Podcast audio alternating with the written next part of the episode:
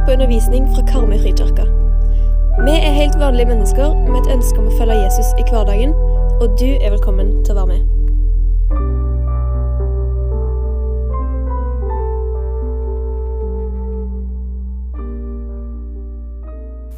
Godt å se dere. Godt nytt år. Jeg sa til Maria her, som er, eh, ikke er her så ofte, at eh, klokka er fem på elleve. Veldig vanlig at her er vi fem stykker. Bare vent til klokka er tre over elleve. Da er folk på plass, vet du. Så det, det, er, det, er så, det er så deilig når det stemmer. så det er bra. Det er et nytt år, og det er en glimrende anledning til å løfte blikket litt. Til å se framover, stille oss sjøl noen litt grunnleggende spørsmål. Hvor er jeg hen i livet? Ta oss tid til å tenke. Og da må vi også være litt stille og lytte. Så I dag så skal jeg snakke om hensikten og veien dit. Og Det bildet der det er ganske ferskt. Det er fra fredag. Foregående fredag det var den dagen da nyhetene sa hvis du ikke må kjøre bil, så la være. Så la bilen stå. Og Bet Johanne sa til meg du må ikke kjøre hjem i dag. Vent til i morgen. Um, jeg var på uh, Modum forrige uke uh, sammen med de andre tilsynsmennene i Frikirken og jobba. Og uh, måtte jo da hjem igjen, og da er det et eller annet med den der hensikten. da. Og hvorfor i all verden ikke sant? Komme, komme ut i det snøkavet og så likevel finne en en vei hjem. Hvorfor i all verden var jeg ute på veien den dagen? Alle som kjørte på fredag, i hvert fall på Østlandet og Sørlandet, burde stille seg det spørsmålet. Eh, mange, mange mil. Jeg klarte til og med å sette fast eh, denne fantastiske bilen som jeg syns vi har, da, på en rasteplass. jeg skulle kjøre ut for å ta litt is, og så, så, så står den bom fast, for det er for mye snø. Og ut og grave med spaden. Jeg hadde med meg spade og ringe NAF. og Nei da, men de slapp å komme, for jeg, til slutt så fikk jeg lirka den løs. Så det var virkelig um, en uh, litt håpløs reise. Men det hjalp å tenke på den arbeidsuka som jeg hadde hatt sammen med disse andre tilsynsmennene i, i Frikirken. Opplevde at vi kom nærmere hverandre. Vi hadde snakka sammen om noe av de største utfordringene som vi har som kirke. Eh, og søkt Gud sammen i det. Og så tenkte jeg på at jeg skulle hjem til Berit Johanne. Hun som jeg liker aller, aller best å være sammen med. Og så tenkte jeg på dere på denne gudstjenesten her, som jeg også skulle hjem til. Dere som jeg er kalt til å være hyrde for. En ganske svær oppgave, spør du meg. Men da var det en hensikt til sammen her da, som gjorde at det, det var et poeng likevel å være på veien. Og etter ca. tolv timer så kunne jeg kjøre hjem i tunet. Og helt trygt. Kan du lure på hvordan jeg klarte å bruke tolv timer fra Modum. da. Men det er nå så. Men når hensikten er tydelig, så er det litt lettere å gå. Og de humpene som kommer underveis i livet, det er litt lettere å forsere de når vi har en tydelig hensikt og blikket framover. Så må jeg bekjenne nå. Jeg er mest glad i ferie. Så når vi starter opp igjen etter ferien, så er det Eller jeg er veldig glad i ferie, var det jeg egentlig skulle si. Så når vi starter opp igjen etter ferie, så er det alltid litt tungt. Det kan godt hende at noen av dere føler på. Mange har hatt én arbeidsuke og kanskje kjenner at nå er vi i gang. Men for likevel, da, selv om jeg er glad i ferie, så er jeg egentlig mest glad i hverdagen. Hvor det er rutiner, hvor det er mulig å få ting litt i orden og finne den der meningsfulle, gode hverdagen. Hvor ting kan fungere. Og så er det ikke sånn at vi hver dag liksom kan tenke over hvorfor gjør jeg det jeg gjør. Det blir et slitsomt liv. Men det er lurt innimellom, med jevne mellomrom, sette seg ned, sette av tid til side og tenke over hvor er jeg hen i livet? Hvor vil jeg hen? Ta sånn justering av kursen. At ikke vi bare, bare lar livet skje, liksom, men tar de endringene som, som trengs. Og Hvis du opplever det at det, i ditt livsmaskineri, hvis det er rusk i det, så kommer kanskje disse tankene ofte. Og da er det i hvert fall viktig å sette seg ned og tenke. Og så er det kanskje skummelt, da, tenker noen. Ja, jeg vet jo ikke hva som kommer ut av tanker på andre enden. Men andre alternativet er veldig ofte at da ender det istedenfor med et krasj. Hvis ikke du tar den tida. Og Noe av det som jeg tenker at vi bør tenke over, da, det er hvem følger jeg? For selv om du skulle altså Nå er du jo kommet til kirka i dag, så mange her har nok en tanke om at de følger Jesus. Om du ikke hadde den tanken, eller har den tanken, så følger du noen likevel. For alle følger vi noen. Hvem er det som får påvirke meg? Hvem er det som får lov å tale inn i mitt liv? Og Når du først setter deg ned for å tenke for å finne en retning, så er det utrolig viktig å prøve å finne ut av hvem er det som får lov til å tale inn i mitt liv. Der vi i vår tid omgis av noen roperter som prøver å påvirke oss døgnet rundt på så veldig mange måter. Da må vi vite hvem følger jeg, hvem skal få lov til å påvirke meg. Det kan være en god ting å tenke på i starten av året. Så det som jeg har lyst til å utfordre dere på nå, det er rett og slett nå trekker du pusten. Hvis du vil lukke øynene, så gjør du det. Hvis ikke, så går det helt fint å ha de åpne. Men ta noen sekunder og tenk på livet ditt. Hvem følger jeg? Altså hvem lar jeg meg påvirke av min hverdag? La det være stille en liten stund, og så ser du om du får tankene dine der.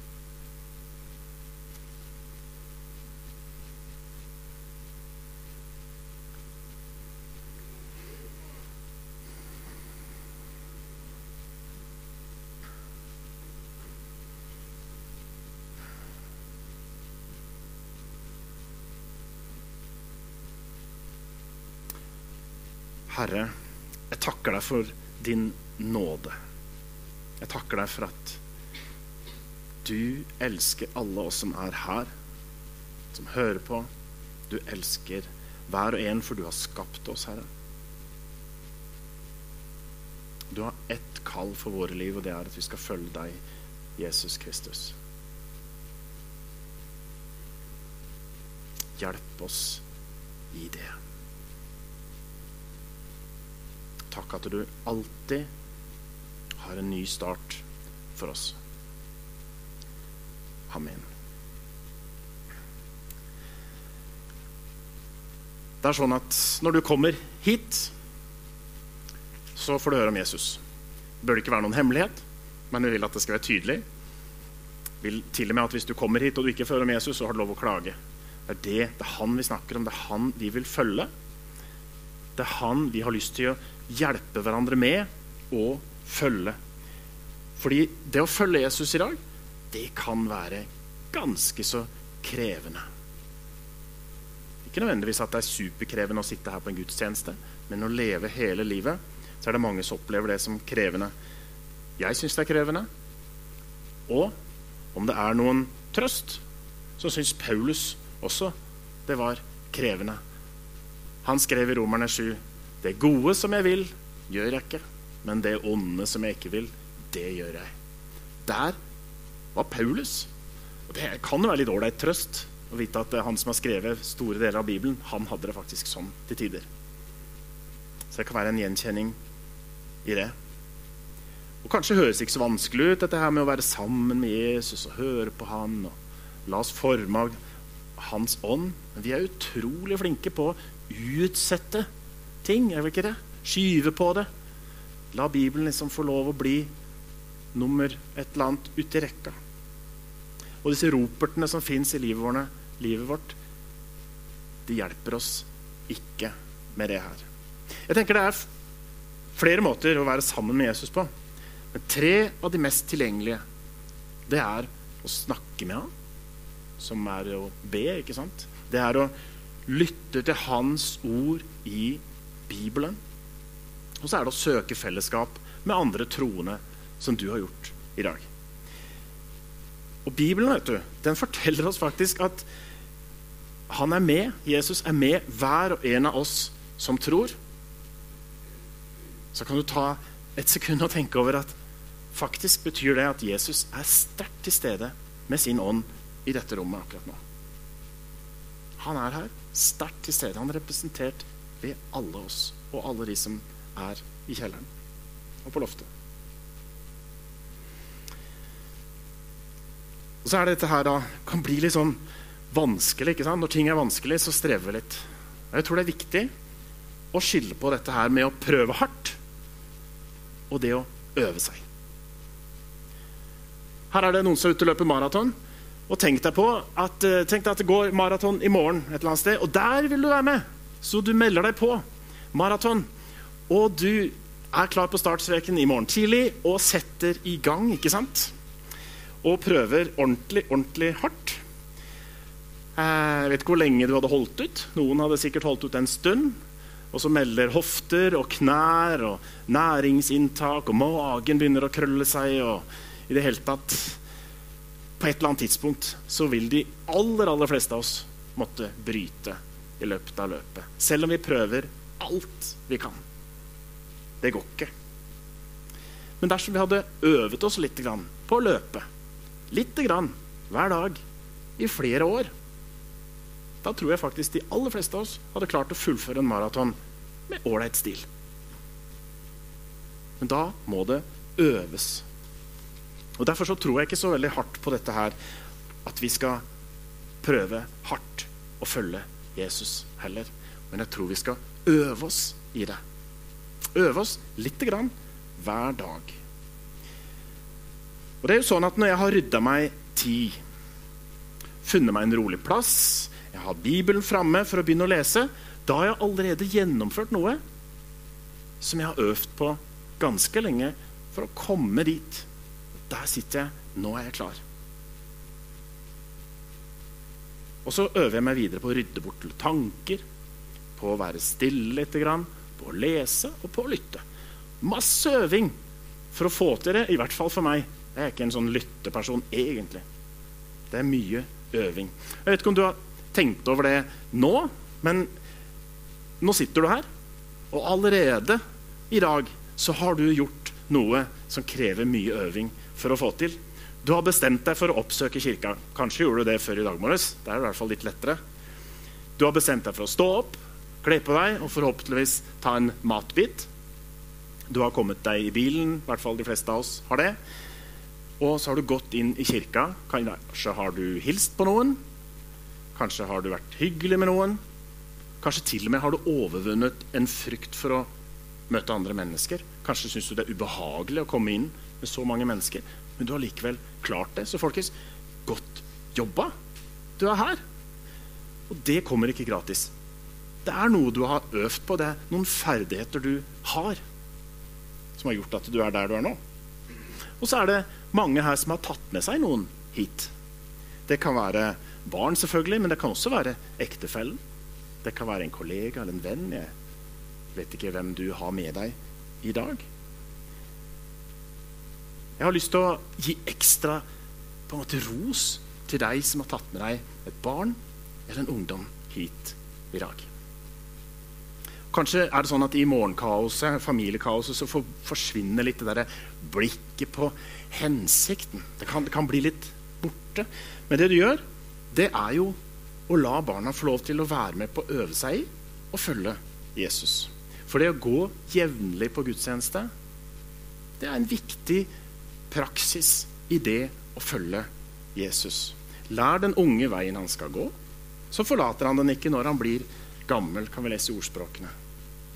Og Hvis det å gå til gudstjeneste, være med på det, er en alminnelig, naturlig del av livet, ja, da er det stor sjanse for at det også kan bli naturlig den dagen den personen skal bestemme over eget liv.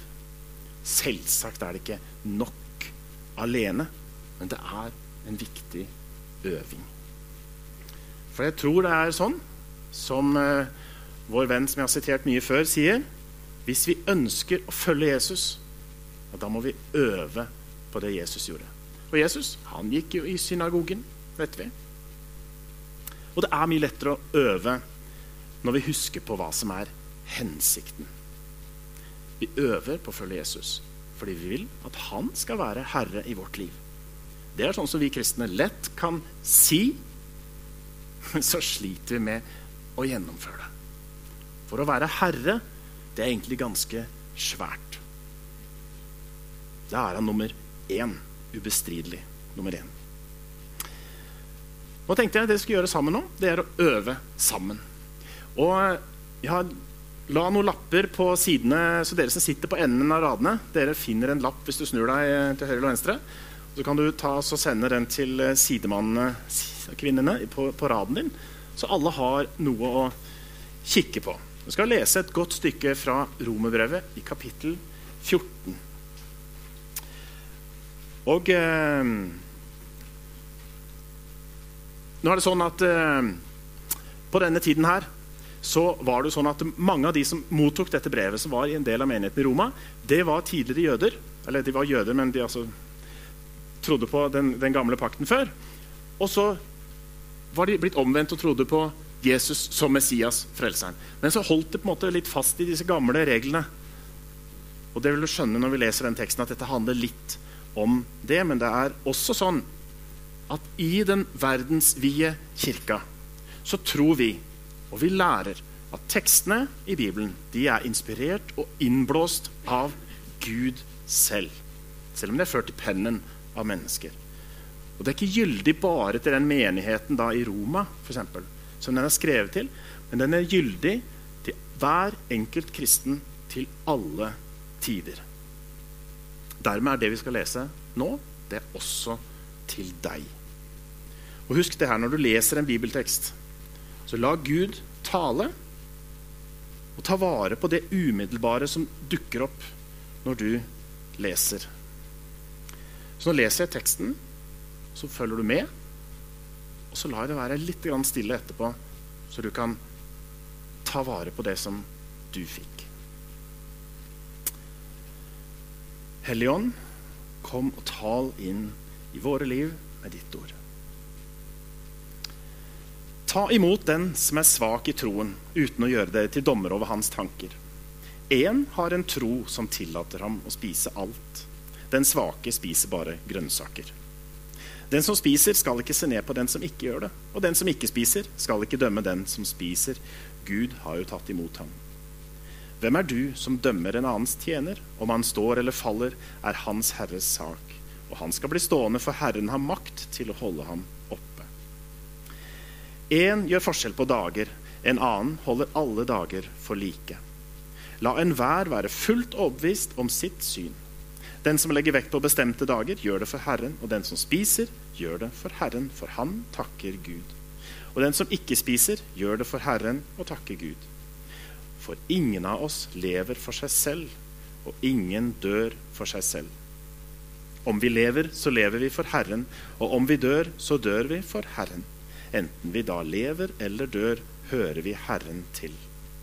Det var derfor Kristus døde og ble levende igjen, for at han skulle være herre over både levende og døde. Men du, hvorfor dømmer du din bror? Eller hvorfor ser du ned på din bror? Vi skal alle fram for Guds domstol, for det står skrevet:" Så sant jeg lever, sier Herren, for meg skal hvert kne bøye seg, og hver tunge skal bekjenne Gud. Så skal altså hver enkelt av oss avlegge sitt eget regnskap for Gud. La oss ikke lenger dømme hverandre. Døm heller slik. Ingen må få sin bror eller søster til å snuble og falle. I Herren Jesus vet jeg sikkert og visst at ingenting er urent i seg selv. Men for den som mener at noe er urent, er det urent. Hvis du sårer din bror eller søster med det du spiser, går du ikke fram med kjærlighet. Den som Kristus døde for, må ikke du føre fortapelse med det du spiser. La ikke det gode dere eier, bli utsatt for spott. For Guds rike består ikke i mat og drikke, men i rettferdighet, fred og glede i Den hellige ånd. Den som tjener Kristus på denne måten, er til glede for Gud og blir respektert av mennesker. Så la oss strebe etter det som tjener til fred og til å bygge opp fellesskapet. Riv ikke ned Guds verk pga. mat. Alt er nok rent, men det er galt om et menneske spiser slik at det blir årsak til fall. Derfor er det riktig å la være å spise kjøtt, drikke vin eller gjøre noe annet som fører din bror til fall. Den tro du har, skal du ha for deg selv, for Guds ansikt. Salig er den som ikke dømmer seg selv på grunn av det han velger. Men den som spiser med tvil, er dømt fordi det ikke skjer i tro. Alt som ikke skjer i tro, er synd. Slik lyder Herrens ord. Er vi stille kort stund?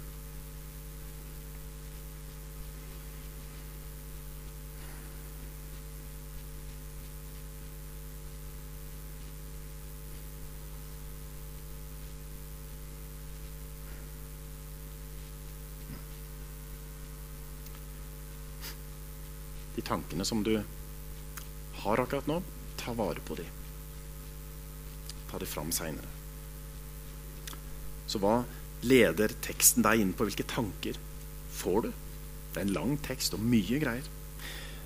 Det jeg tenkte på som ikke jeg tenkte på mens jeg forberedte talen, det er at det er så deilig å lese Guds ord. Jeg slipper å vurdere om det er klokt sagt. Jeg kunne, stått her og lest Bibelen og hatt verdens beste samvittighet hele veien. Men når jeg lager mine egne ord, så må jeg liksom vurdere de hele tiden. Det tenkte jeg på. Tilsynelatende så handler denne teksten mye om mat og helligdager, gjerne. Og så er det viktig å forstå bibeltekst ut ifra sammenhengen. Og for det første, Jeg vet ikke om noen her er vegetarianere, men det er altså ingen fordømmelse av vegetarianere i den teksten. Selv om det høres ut som det svake, spiser bare grønnsaker. Sant? I første Mosebok så kan vi lese det at uh, Gud gir menneskene planter, trær og frukt, og det skal dere ha å spise. Det Det er gjerne det som vegetarianerne trekker fram. ikke sant? Så det handler jo ikke om det. At det ene er galt, og det andre er rett. Det handler mest om troen på Jesus, som jeg var innom i stad. At noe av det som var lov i den gamle pakt, det er nå tillatt. Som det å spise kjøtt. For ikke å legge et åk da på nyomvendte. Men det som er med sånne ting, det er at dere kan ta blikket bort ifra det som er viktigst. Ifra hensikten. Det som er veien. Guds vilje med oss. Så er det mange ting vi kan mene mye om her i livet. Og det er absolutt verdt å snakke om, f.eks. mat og helligdager. Men det tar oss veldig fort ut av fokus. Som det er når noe av det som er litt på sida, blir det viktigste. Da mister vi fokus. Og dessverre for disse fariseerne, hvis du leser evangeliene, så er det utrolig mye hvor Jesus blir anklaga av dem for å gjøre noe galt i forhold til sabbaten. Som jo var deres helligdag. ikke sant? Hviledag. Så blir han anklaga hele veien, og de mister jo helt fokus, fordi de får ikke med seg hvem Jesus er. Grunn av det. Jesus han irettesetter det, og så sier han sabbaten ble til for mennesket, ikke mennesket for sabbaten, sier han i Markus. Det betyr ikke at sabbaten ikke er viktig, at den skal glemmes. Vi kristne, i hvert fall i vår tradisjon, har jo glemt sabbaten helt. Fram til nå, kanskje.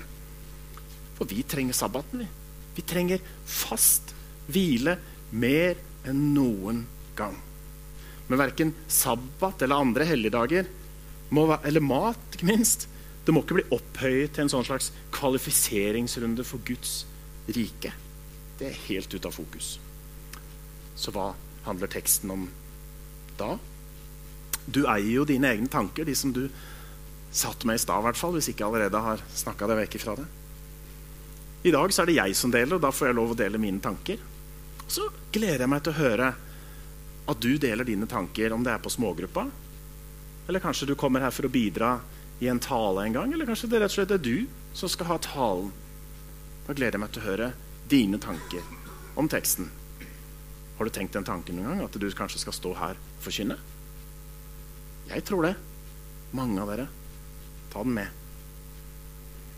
Men jeg finner konklusjonen i vers 17 og 18. Og der står det For Guds rike består ikke i mat og drikke, men i rettferdighet, fred og glede i Den hellige ånd. Den som tjener Kristus på denne måten, er til glede for Gud og blir respektert av mennesker. Jeg har lyst til å peke på to viktige budskap som jeg ser i teksten. Og Det ene er at vi må ha grunnleggende respekt for andre mennesker og deres valg når det ikke er snakk om synd. For her i dette brevet så er det ikke snakk om synd. Vi må være kloke, dynamiske i forhold til dette punktet her. Og overlate dommen til Gud. Det hører vi jo tydelig. Nå er det kanskje sånn at vi i dag Dette med mat det er mye greier med men det, for oss kristne så er ikke det så stort tema. Men et eksempel som er veldig gyldig blant oss i dag, det er dette med alkohol. Jesus drakk vin. Han lagde til og med vin. Det var det første underet han gjorde. Dette vet vi jo. Likevel så har vi f.eks. her på huset når det er arrangement her, og hvis det er folk som leier her av selskap, så er det nada alkoholservering. Aldri. Og det har vi veldig fred med og syns det er veldig naturlig. Og så er det årsaker til det, ikke sant? men det står ikke, fra, det står ikke i Bibelen. Her i menigheten så er det folk som har tatt et tydelig avholdsstandpunkt og gjør det for Herren. For ikke å lede folk bort ifra Han eller lede det inn i synd eller fortapelse. Men det er også folk her som gjerne tar seg et glass vin eller to. Og noen ganger så gjør de det også for å ikke skape avstand til andre. Men de gjør det likevel for Herren. Teksten forteller oss, tenker jeg, at vi ikke lenger skal dømme hverandre, men leve etter vår overbevisning. For her er det ikke snakk om synd eller ikke synd. Det er avsporing. Og Den andre tingen som jeg tenker teksten sier noe om, det er at å følge Jesus, det er å la våre liv være sentrert omkring ham. Om vi lever, så lever vi for Herren. Om vi dør, så dør vi for Herren. Enten vi da lever eller dør, hører vi Herren til. Det gjelder altså ikke bare livet, men det gjelder selve døden. Det som vårt samfunn er så redd for, som har tatt en slags avstand fra, snakker ikke om, om døden lenger. Jeg tror vi som kristne frimodig skal snakke mer om døden, for det er en del av å leve, å være menneske. Og jeg tror faktisk det vil være ganske mye greiere hvis vi våger det. Og uansett hvordan dette her går Kanskje sitter du nå og prøver å høre etter, men det er noen tanker i hodet ditt som dreier seg om noe som skal skje de neste dagene eller ukene, og som du gruer deg til, og som du virkelig frykter for. Uansett så er du en del av Guds plan. Og en gang etter alt dette her, så skal du få lov å komme til Herren fullt og helt. Han som gjør alle ting nye. Og da er det den derre hensikten.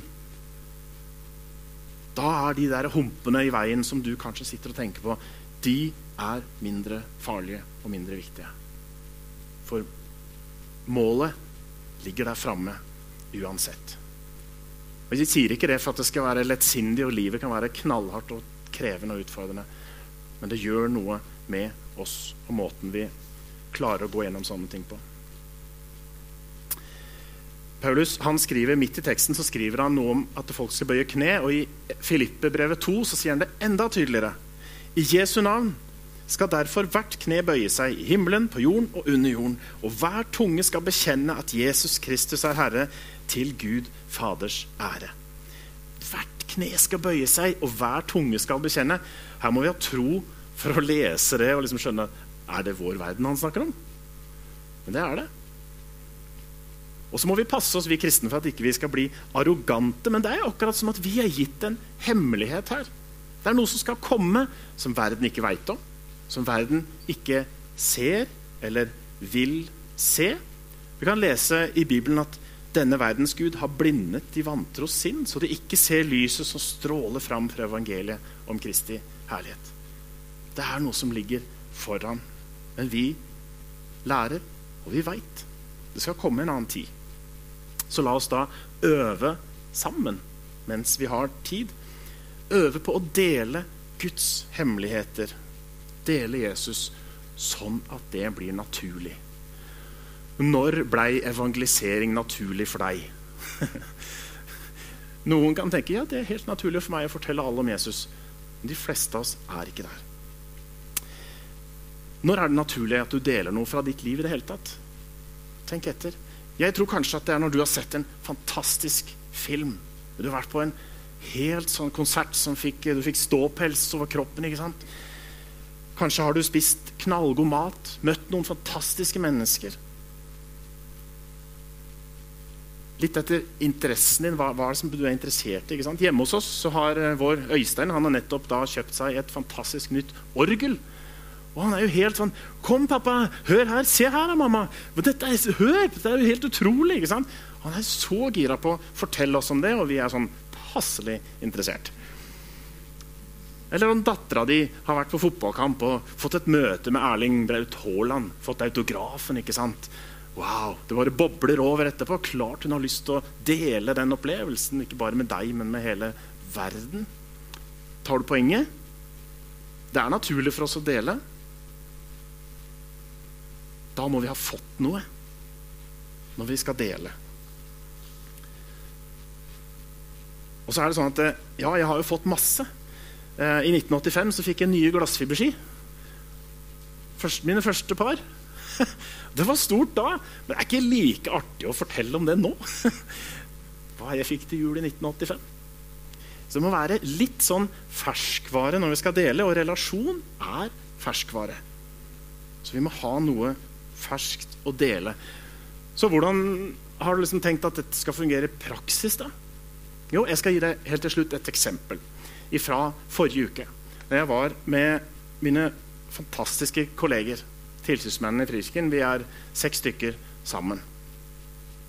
En av kveldene vi hadde sammen, var satt av til å dele. Dele fra livet. Det er jo en bra ting å gjøre, bare å sette av tid. Så delte vi med hverandre, og jeg delte også med de noe som jeg syns er vanskelig i mitt liv. Og da er det vanskelig på ikke her oppe, men langt ned i magen. Det var også ting å glede seg over, selvfølgelig, men også tyngre ting. Delt fra hjertet. Også ting som setter oss i en litt sånn sårbar situasjon. Vi våget å komme nær hverandre. Slippe de andre inn på, på livet. Det var det første. At vi delte. Og det neste, det var, og det er så viktig, vi forsøkte ikke å løse hverandres problemer. Jeg vet ikke om du har vært i en smågruppe eller en sånn bønnering med andre kristne, og så har du fortalt dem at sånn eller sånn De har lyst til å legge fram for Gud i bønn. Og så kommer det noen smartinger, og jeg har ofte vært en av de sjøl. Vet du hva? Jeg foreslår at du gjør sånn og sånn og sånn. Og så skal vi prøve å løse problemene som den personen ønsker å legge fram for Gud i bønn. Og det hører ikke hjemme der. Vi skal hjelpe hverandre, men ikke der. Der skal vi legge det fram for Gud.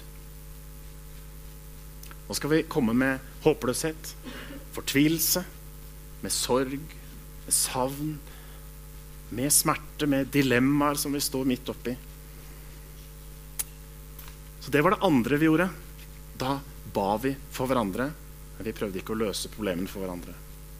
Og det tredje Da var det Guds tur til å gi. Vi har delt, vi har ropt ut til Han, så er det Han som gir. Og etter at vi hadde bedt for hverandre, så delte vi med hverandre det som Han hadde gitt oss av ord, bibelord eller bilder, budskap. Og jeg fikk ord som ga meg trøst og håp og så jeg kunne se den veien litt tydeligere foran meg. Og så tok vi imot nattverd. Det skal vi gjøre nå etterpå. Så vi tar imot Jesus helt konkret og fast i noe håndgripelig i nattverden. Og Gud svarer også på andre måter når vi ber, som ikke er så lett å forklare, men han kan gi oss en oppfatning, en følelse, en trygghet, en omsorg en fred osv. Og, og så er det da dette her som er noe, noe av det som jeg håper at du vil huske etter i dag, selv om jeg bruker mange ord. Når vi våger å være åpne med hverandre, når vi våger å komme nær og slippe Gud til og dele med hverandre det som han gir, da skjer det noe med oss, men det skjer også noe mellom oss. Det gjør det er et helt skifte i et fellesskap fra det til det. Det er jeg helt sikker på. Derfor snakker vi, vi maser om disse gruppene. Fordi det er så viktig at vi tilhører et lite fellesskap der dette har plass. Det er gjerne ikke naturlig at alle kommer opp hit og forteller om sine dypeste lengsler. Det kan bli litt privat når vi er så mange. Men i ei gruppe så er det mye mer plass til det. Og du skal få lov til på slutten av gudstjenesten å komme med noe i dag hvis du kjenner at det, her, det skal jeg faktisk dele her, for det er på en sånn måte at det passer her. Men da jeg gikk til sengs den kvelden hvor vi hadde delt med de andre tilsynsmennene, så kjente jeg på en sånn følelse at yes, disse folka de har jeg klart å gå i krigen med. De vil jeg kjempe sammen med. De vil jeg gi noe. For vi har gitt så mye til hverandre. Det er det som skjer i et fellesskap når vi er våger. Så fest blikket langt fram. Feste på Jesus. Da er vi ved, ved oppsummeringen her. Jesus venter på oss. Han venter på oss også den dagen dette livet skal ta slutt. Vi trenger å øve oss på å følge Jesus. Øve litt hver dag. For det fungerer. Strev fungerer ikke. Og så trenger vi å sette oss sjøl i situasjoner der vi kan ta imot ifra Gud. Og når vi har gjort det, så har vi noe ferskt vi kan dele frimodig med andre. Så la oss gjøre dette sammen, ikke gå aleine. La oss øve oss sammen, så vi er en menighet som kan dele ferskvare med verden rundt. Med alle de som sier at Jesus er tøys. Han var bare en Ikke sant? Du er naiv som er en kristen. Verden må gå videre. Vi er all, ærlig talt i 2023. Tror du fortsatt på det der? Alle de som sier det, har en lengsel inni seg som ikke de har identifisert enda, og det er å komme hjem til sin skaper. Og vi kan faktisk peke på noe som gjør at de kan finne den veien igjen. Om vi lever, så lever vi for Herren. Og om vi dør, så dør vi for Herren. Enten vi da lever eller dør, så hører vi Herren til. Takk, Herre, for at du er med oss hver dag. Takk for at du står der og venter den dagen. Det er vår time, og den kjenner vi ikke, Herre. Takk, Herre, at vi får lov å øve oss i å følge deg. Og jeg ber deg for alle vi som er her nå, at du vil gi når vi ber, når vi spør. Og hjelp oss, Herre, med å ha et sånt åpent sinn så vi kan ta imot det du gir, for det ligner ofte ikke på det vi tror vi skal få. Takk, Herre, for du ser det som er av smerte, det som er av sorg og utfordringer og vanskelige dilemmaer i våre liv. Du kjenner det, far. ber deg, sett retning og vis vei. Sånn som du vil. Amen. Takk for at du lyttet til oss i Karmøyfrikirka. Velkommen tilbake, og velkommen innom til gudstjeneste eller på websida vår.